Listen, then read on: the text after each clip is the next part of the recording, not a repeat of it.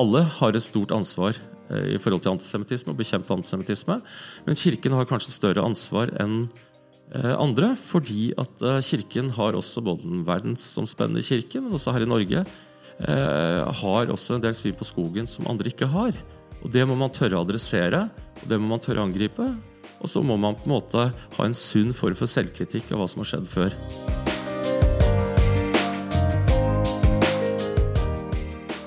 Du lytter til podkasten 'Kirken og jøder' med Rolf Gunnar Heitmann og Kristoffer Eknes.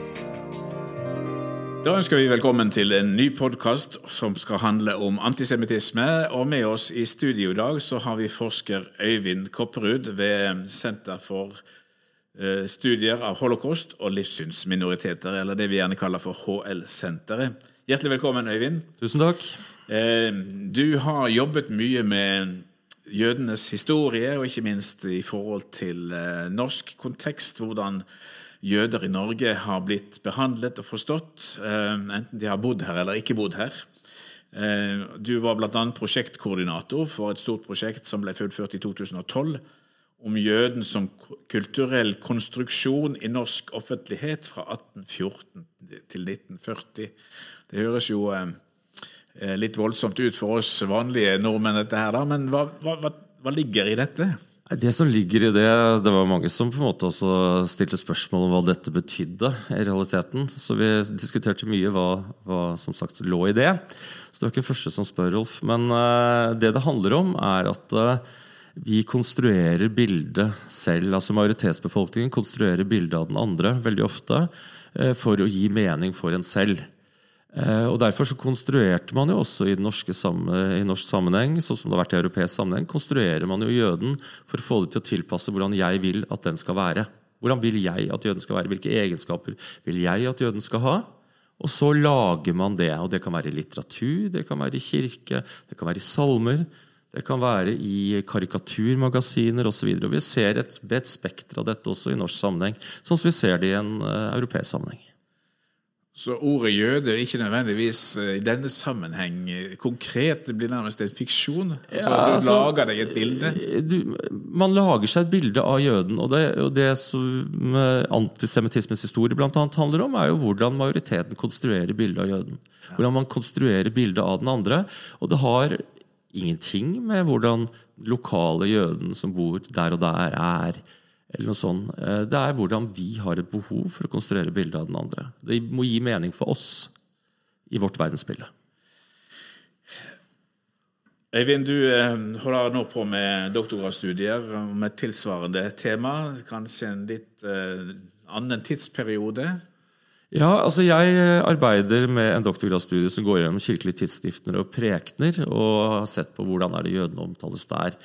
Eh, kan vi se noe av sporet av det samme? Det springer jo også ut av dette prosjektet som jeg var med å lede en gang i tiden. Uh, og Det er jo også for å se hvordan er dette i kirken. og Da går man jo bredt ut og ser er det de samme bildene som konstrueres her, som vi kan se i en felles europeisk sammenheng. Hvordan er dette knyttet til andre minoriteter? Uh, hva er det som gjør at, Hvordan snakker man om jødene i Den norske kirke? Uh, og der ser vi jo, uten at jeg skal avsløre altfor mye fra en avhandling, for det er jo sånn at det, det skal jo helst komme når den kommer. Eh, men det er jo helt klart at der hvor det måtte ha vært kritikk av jøden som representant for det moderne, der ser vi det i kirken. Der hvor det, Den kirkelige kritikken går veldig godt overens med de øvrige trendene i samfunnet. Kirken er veldig sjelden en motkultur, men er, man snakker om jøden sånn som alle andre gjør det. Og Det skal også, må også være med å forklare for eksempel, hvordan snakker man om jøden i forskjellige misjonsorganisasjoner på 30-tallet. Jo, 30-tallet snakker man generelt sett styggere om jødene generelt sett. Da gjør man det også i misjonsorganisasjoner, eh, som Israelsmisjonen, som andre steder. ikke sant? Eh, og Det er på en måte å se disse sporene og se utviklingstrekk. Det som eh, forskere ofte da skal gjøre, er å se hvordan Ikke bare si 'det sa han, det sa han, det sa han', det sa han, men hvordan er dette over tid? Hvilke utviklingstrekk ser vi, og hvilke innslagspunkter ser vi? Og Da kommer jo spørsmålet er antisemittisme et spesielt problem for Kirken, eller er det et større samfunnsproblem, dette? Jeg vil svare både òg. Det er et større problem for Kirken, og det handler jo litt om eh, Kirkens røtter, naturlig nok. Eh, men det er også et større samfunnsproblem. Eh, og jeg mener jo selv at Kirken har Alle har et stort ansvar i forhold til antisemittisme og bekjempe antisemittisme. Men Kirken har kanskje større ansvar enn eh, andre, fordi at eh, Kirken har også både den verdensomspennende kirken, men også her i Norge, har også en del svin på skogen som andre ikke har. Og Det må man tørre å adressere, og det må man tørre å angripe. Og så må man på en måte ha en sunn form for selvkritikk av hva som har skjedd før litt mer om hva antisemittisme er for noe. Kan du si noe om hvordan oppsto dette fenomenet? Vi bruker jo dette om et jødehat, ikke sant? Ja, Jødehat vil jo på en måte vi som forsker på antisemittisme si ikke er presist nok. Og så finnes det en urekke definisjoner på antisemittisme. Eh, og, og, Grunnen til det er jo at den moderne antisemittismen som blir popularisert av Wilhelm Marr på 1870-tallet i Tyskland, han sier jo at dette har overhodet ikke noe med hat å gjøre. Eh, jødene har de og de egenskapene, for det, det, har de. Det er sånn de er. Og det kan vi like eller ikke, men sånn er de. Eh, så det å være antisemitt, eller antisemittismos, da, som eh, på en måte Mari sa, det var på en måte for han et æresbegrep og var frakoblet de følelsene. Og så vet jo alle vi som har studert i ettertid, at det hadde ikke vært noe antisemittisme uten det gamle jødehatet. Så det er på en måte mye av det samme i en annen drakt. Så det er raseteoriene som da slår inn eh, på Raseteoriene slår jo da inn etter hvert. Men raseteoriene bygger jo da naturlig nok på også de samme fordommene. Og når på en måte Adolf Hitler eh, greier å få med seg de store massene, så gjør han jo det fordi at antisemittismen ligger latent i de ulike samfunnslagene. Det er ikke alltid den kommer til overflaten, men den ligger latent. Sier du jøde, så tenker folk grisk osv. Som gjør at han har jo masse strenger å spille på når han kommer med sin rasebiologiske variant, eh, som jo han tar ut til det helt ekstreme. Men, men hva, var dette, hva, var disse fordommene for noe da, som, som det bygget på, som skapte disse utslagene? Nei, altså Det er jo kollektivt. altså Hvordan man på en måte konstruerer bildet av hvordan jøden er på bakgrunn av bl.a. enkeltstående hendelser. Eh, jeg vil jo si, som da forsket på det kirkelige materialet, vil jo si for at historien om Judas Iskariot er jo kanskje det verste, det verste eksempelet. Hvordan på en måte Judas øh, altså Hvordan han blir portrettert, for så vidt er én ting. Men også hvordan Judas blir jøden. Judas han selger ut sin egen herre og mester for 30 sølvpenger. Og sånn er jødene. Eh, og så er det jo selvsagt påskeevangeliet, og vi vet jo da fra, fra øh, fra eh, europeisk sammenheng, hvordan jødene gikk og gjemte seg hver langfredag i kjellere. For de visste at det da sto prestene og forkynte ut ifra langfredagsteksten.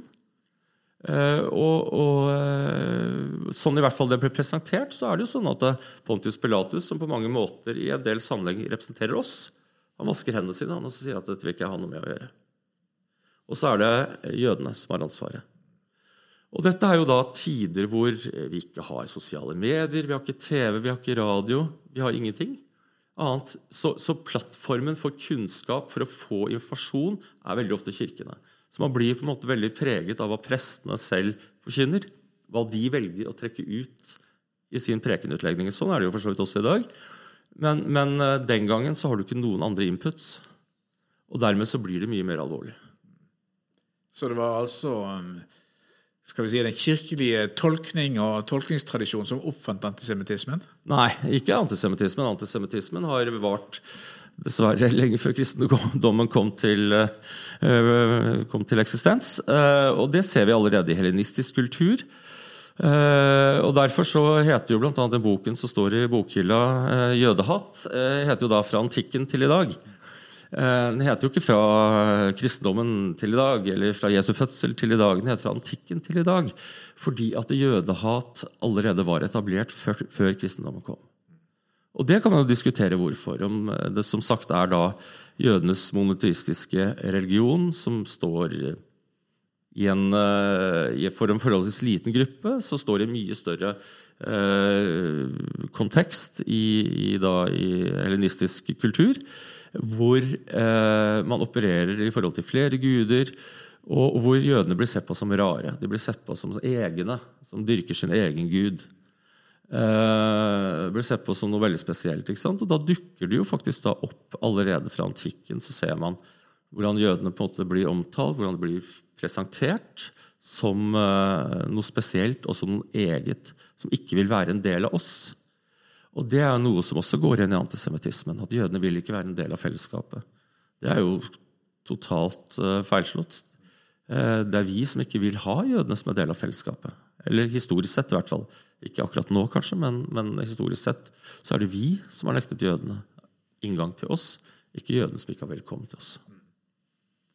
Ja, Det ser vi jo i norsk historie også, hvordan dette f.eks. i Grunnloven eh, ble uttrykt. Definitivt. og der ser du at Når eh, forbudet i 1814 blir videreført, for det blir jo videreført fra allerede eksisterende lovverk og innskjerpet, så skyldes jo det en grunnleggende skepsis til jødene. At, eh, som de sier, at jødene utgjør en nasjon, nasjon og en stat i stat.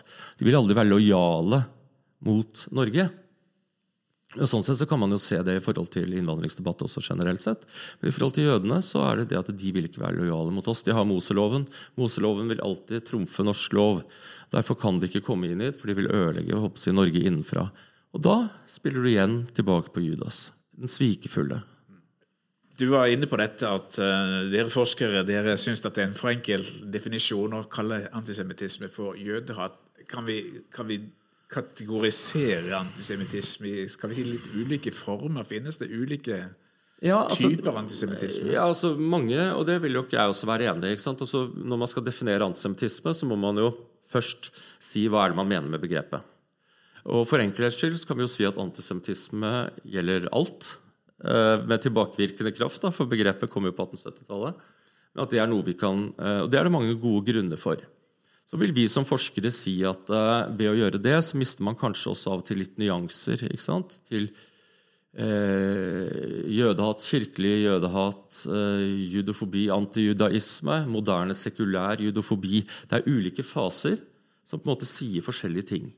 Men, veldig, men som, uh, de som mener at antisemittisme skal brukes som et langt, stort uh, begrep, og det er jeg enig i i forhold til sånn populærvitenskapelig, i hvert fall, uh, så er det egentlig veldig lurt å gjøre det, For det blir, lettere, det blir lettere for folk å forstå. og så kan vi forskere sitte på en måte og knuge om disse ulike nyansene.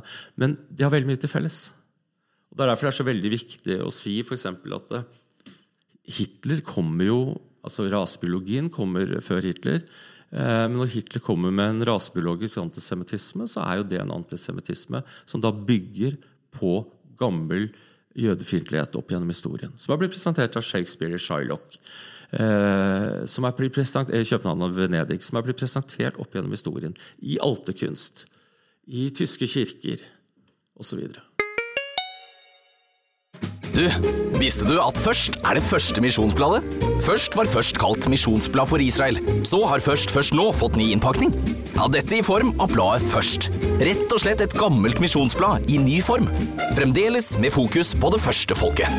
Bestill ditt første eksemplar nå, eller abonner først som sist. Misjonsbladet Først. Sammen skal vi gi evangeliet tilbake til jødene. Gå inn på israelsmisjonen.no.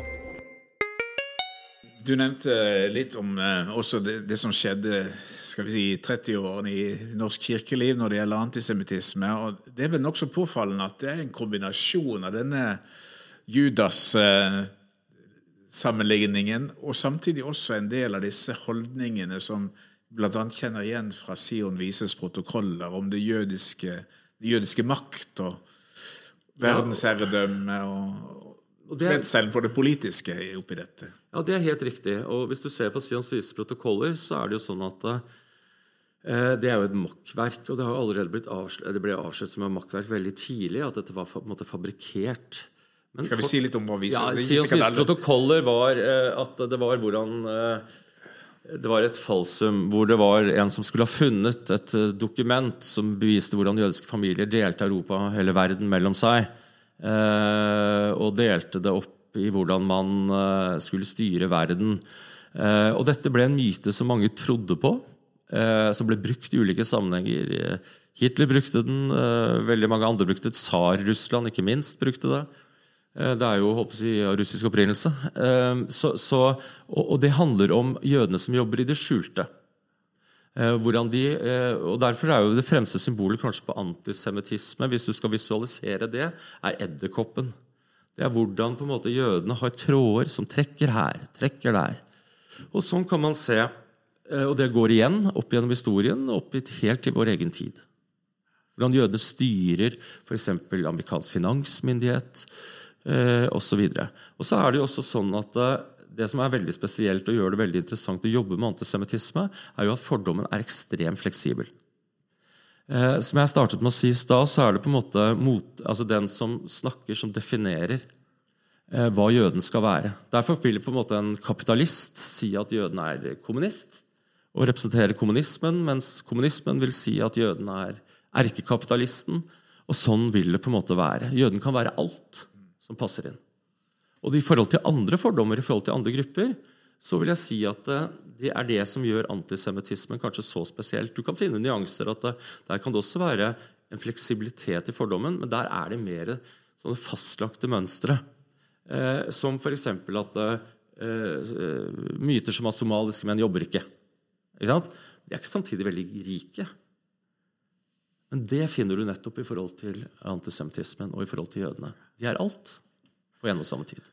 Så vi kan jo på den ene side si at eh, som mange sier, at antisemittisme er bare ett utslag av rasisme. Eh, som alle andre også, eller mange andre grupper opplever. Men det er likevel noe som er annerledes med antisemittisme. Det er noe som er annerledes, og derfor så er det sånn at det, det er noe vi som forsker på det alltid blir møtt med. Men dette er jo på en måte rasisme mot jøder. Ja, det er rasisme mot jøder. Eh, men det er også noe eget, og det har også en nå sier det på engelsk pattern, altså mønster, som på en måte går gjennom historien som er eget. Og det har jo nettopp med opphavet. Det har jo nettopp med Og jeg tror forholdet mellom da, eh, jødedom og kristendom fra gammelt av i vår kultur har gjort at dette forholdet er blitt så spesielt. Antisemittisme er noe eget. Nettopp pga. Eh, tilblivelseshistorien i vår sivilisasjon. Og så har det som sagt antisemittismen eksistert før, som gjorde at man da kunne bygge på allerede eksisterende fordommer. Men, men, men, jeg tror eh, Det var en som sa til meg en gang at uh, jødenes store problem er, er dessverre deres plass i vestlig sivilisasjon. Uh, og det tror jeg det er litt rett i. da. Det tror jeg personen hadde rett i. Jeg tror på en måte jødene fikk en rolle på bakgrunn av kristendommen som de aldri hadde bedt om å få. Og så ble de en del av hvordan vi tenkte, snakket, og de ble veldig ofte antitesen til hvordan vi var. Så antisemittisme er et vestlig Nei, overhodet ikke. Eh, dette er jo, men eh, Nå snakker jeg i forhold til vår kulturkrets, men det interessante er jo på en måte hvordan eh, antisemittismen på en måte dukker opp i ulike steder. Er helt klart at I en del muslimske land, i regimer, så er det jo flust med antisemittisme. Ta Iran som eksempel, som kanskje er det mest antisemittiske landet som vi har, som du på en måte har en eller når, i hvert fall når Aminijad satt, og også presteskapet i dag, for så vidt, men Aminijad var enda mer tydelig på det, så la han jo opp Eh, så var det jo regnspikk antisemittisme som var politisk doktrine. Og det ser vi jo heldigvis ganske sjeldent da nå i vår tid. Og Du nevnte også Japan som ja, et eksempel her for deg. Ja, ja altså Det er veldig viktig å forstå at antisemittisme har ikke noe med hvor mange jøder som bor i et land. Eh, og det har ikke noe med reelle jøder å gjøre. Eh, et eksempel på det er for at Japan har veldig høy andel antisemittisme. Eh, mens det nesten ikke eksisterer jøder.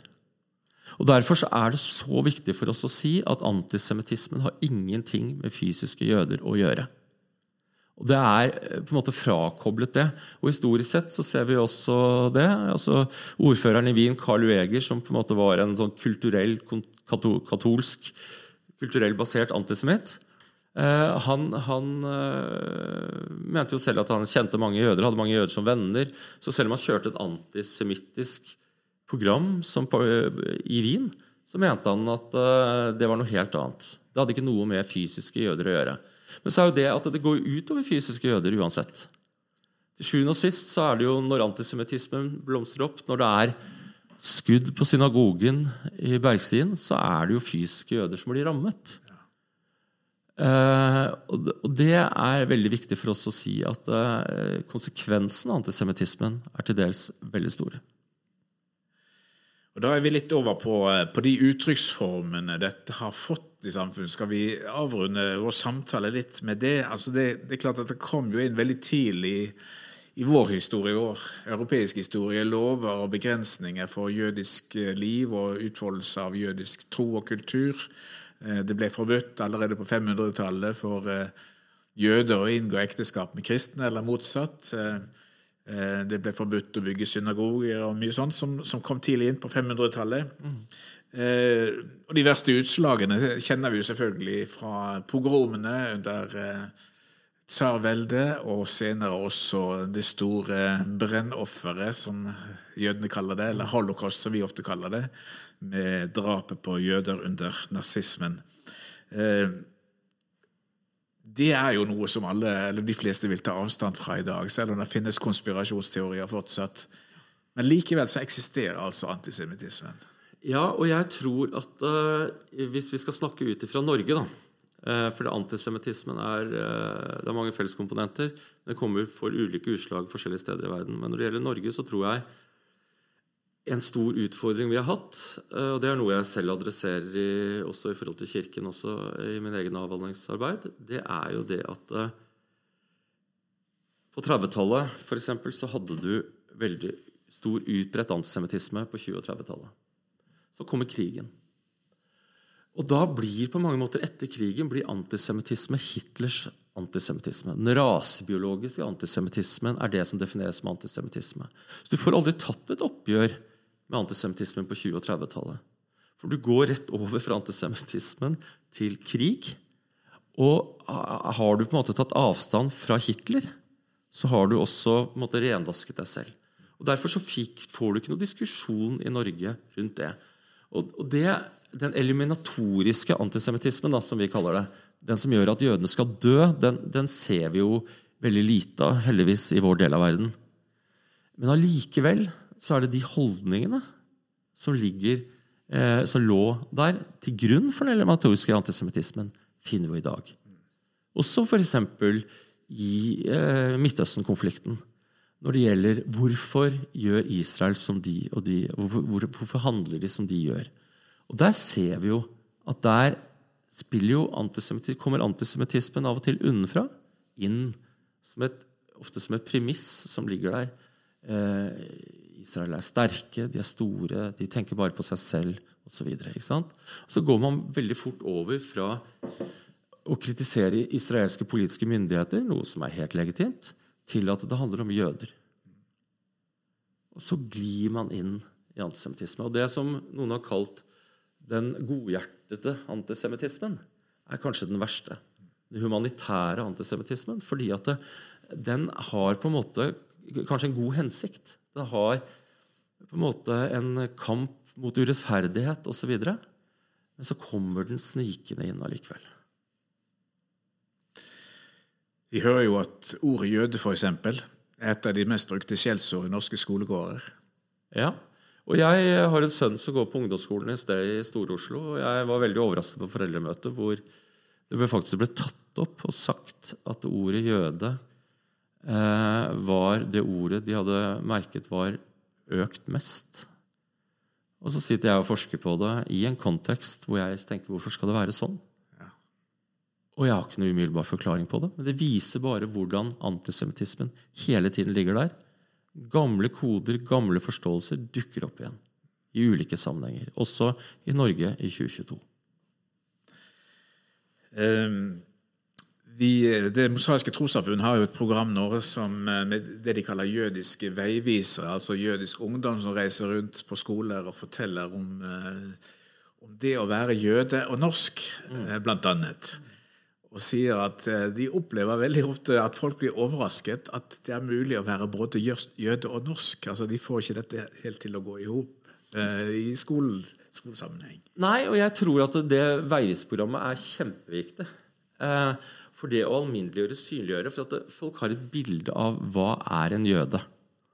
Eh, og de som har litt sånn kunnskap historisk sett, vil ofte se for seg en hasidisk jøde, kanskje. Eh, at jøden er en som går med krøller på siden, hatt eller stor kaftan eh, osv. Jøden ser sånn og sånn ut. Og Derfor er det utrolig viktig når veilederne drar inn på skolen, forteller historien om levd liv, hvordan det er å være jøde i Norge. For det skaper en nærhet som jeg tror kan være med å forebygge antisemittisme. Og så er jeg jo samtidig redd for at eh, det vi har snakket om før, at du har den fysiske jøden eh, som folk liker, og så har du den mer abstrakte jøden som de ikke liker. At det av og til blir et problem. Men Veiviserprogrammet har vært en dundrende suksess, og jeg håper det kan fortsette inn i evigheten. Eh, en av de som er med nå, Nadine Philipsson, hun eh, ble intervjuet nylig på P3 og sier, eh, en, eller refererer til en re, kommentar som hun fikk etter å ha presentert seg selv. 'Hæ, er du jødisk?' Du ser jo ikke jødisk ut og er helt vanlig. Mm. Nokså ja. et symptom på hvordan altså, det, det, det moderne Norge oppfatter det, det, er nettopp det, og derfor tror jeg på en måte det å synliggjøre vanlig jødisk liv da. Så jeg husker når vi hadde denne rapporten Jeg var med også som uh, i uh, prosjektledelsen for første undersøkelsen om uh, antisemittisme i det norske samfunnet. Da var jo en av de anbefalingene vi kom med, var jo bl.a. få kunnskap om jødisk liv og jødisk tro. Ikke bare at det skal være om eh, For sånn som vi ser som forskere nå, så er det jo det at eh, jødene blir ofte portrettert gjennom to ulike virkeligheter. Det er enten som offer gjennom historien, eller som overgriper i Israel-Palestina-konflikten. Jødene er aldri vanlige. Aldri en, en, vanlig jøde. Det er på en måte alltid enten-eller. Så er det de to paradigmene. Og når det er historiene som blir fortalt, så tror jo folk at jødene er noe veldig spesielt. Ikke vanlige mennesker som går og tar en kopp kaffe her og der, og som er venner med den og den osv. Det er noe veldig spesielt med jødene. Eh, og det tror jeg er viktig å, å, bekjempe. Nettopp det at jødene blir presentert i media, medier. Enten så er de offer gjennom historien som kulminerer i holocaust. Det er jo helt riktig. Vi må lære om holocaust. Men så kommer også da bildet at de er overgripere. Og hva gjør det med vår forståelse av hva en jøde er? Så har du kanskje en tredje modell også, der de karikeres bl.a. i lærebøker. Eh, altså De defineres ut ifra en rasidisk, som du sa, eller ortodoks, ultraortodoks. Eh. Ja, det, det, definitivt. da, Og jeg tror på mange måter at det er en utfordring både, si, eh, både trosopplærere har i, i Norge, lærebøker osv. Hvordan presenterer du den andre? Og så ser jeg at man må ta ut det som er karakteristika også, for å skille det ut fra andre. Men det at man har et ansvar for å forklare at norske jøder er nordmenn, som deg og meg. Samme interesser. Noen liker fotball, noen hater fotball. noen liker å gå på konserter og høre på ulike typer musikk, andre gjør det ikke. Man er vanlige mennesker, og det er det viktigste man kan få frem. Øyvind, du Eh, forsker spesielt nå på hvordan dette med jøder, jødedom, fremstilles i eh, kirkelig kontekst, sammenheng. Eh, opplever du fortsatt Nå er, det, er, du kanskje mest opptatt av historie, men opplever du fortsatt at dette er et problem for Kirken? Ja, jeg opplever at det er et problem for Kirken, og jeg opplever eh, at man ikke har hatt et manglende, at man har hatt et manglende oppgjør og diskusjon om antisemittismen i Kirken. Eh, og Det er vel litt tilbake til det jeg sa i stad, at man på en måte hoppet bukk over det. For Den norske kirke, når du har Torleif Haustad som gjest, som kan veldig mye om dette, når det handler om kirkens grunn, hebreerbrevet, altså hva som skjedde under krigen, så har jo store av den norske kirken Riktignok et komplekst, men, men, men, veldig mange sto på riktig side. Eh, også de som på en måte hadde da snakket i en antisemittisk språkdrakt på 30-tallet. Det gjør at du har ikke fått tatt et oppgjør med det. Du har ikke fått eh, tatt den diskusjonen. Derfor så tror jeg det er et problem for Norske kirke videre. For Når du da begynner å diskutere andre spørsmål, som f.eks. Midtøsten osv., så, videre, så har du ikke med deg den hermenautiske bakgrunnen. At du vet på en måte Hva er det vi selv har slitt med? Hvordan må vi nå snakke om dette? Og Derfor er historien viktig. For å lære av historien så vet man hvordan man kan snakke inn i en virkelighet i dag. Nettopp. Og Det opplever vi jo, at den uh, måten en snakker om jøder på fortsatt, kan være problematisk også fra kirkens talerstoler eller uttalelser. Det var jo en prest som for et par år siden i en juleandakt eller i et menighetsblad uh, skrev noe om dette og sier at fortsatt så, så handler det altså om dette folket som er ulydig, og som til slutt tok livet av Kristus. Det er jo en sånn myte som Eller i myte, det er sånn utsagn som vi hører fortsatt, dessverre. Ja, og det at man bruker fortidige hendelser inn i en dagsaktuell situasjon, er kjempefarlig. Fordi at du skaper grobunn for noe helt annet. Det bør ikke være intensjonen til den presten som står og forkynner. Og Derfor så tenker jeg at uh, vi har hatt kurs for prester, vi. Jeg har selv vært med å arrangere det. For å på en måte ansvarliggjøre, bevisstgjøre, tenke litt over hva betyr dette når jeg f.eks. skal uh, holde en preken om barmhjertig samaritan. Hvordan gjør jeg det på en måte som ikke rammer jødene? Eller omtale av fariseere. Eller ikke minst omtale av fariseere. Og uh, hvordan vi forkynner påskens evangelium. Ja. Tusen takk, Øyvind, for at uh, du ville være med oss og dele med oss dine kloke tanker om dette. Og så er det en utfordring for oss alle til å være bevisste og til å bekjempe denne sykdommen som vi gjerne kan kalle antisemittisme. Og jeg som har snakket med deg, er altså Rolf Gunnar Heitmann, som er seniorrådgiver i Den norske Israelsmisjonen. Tusen takk.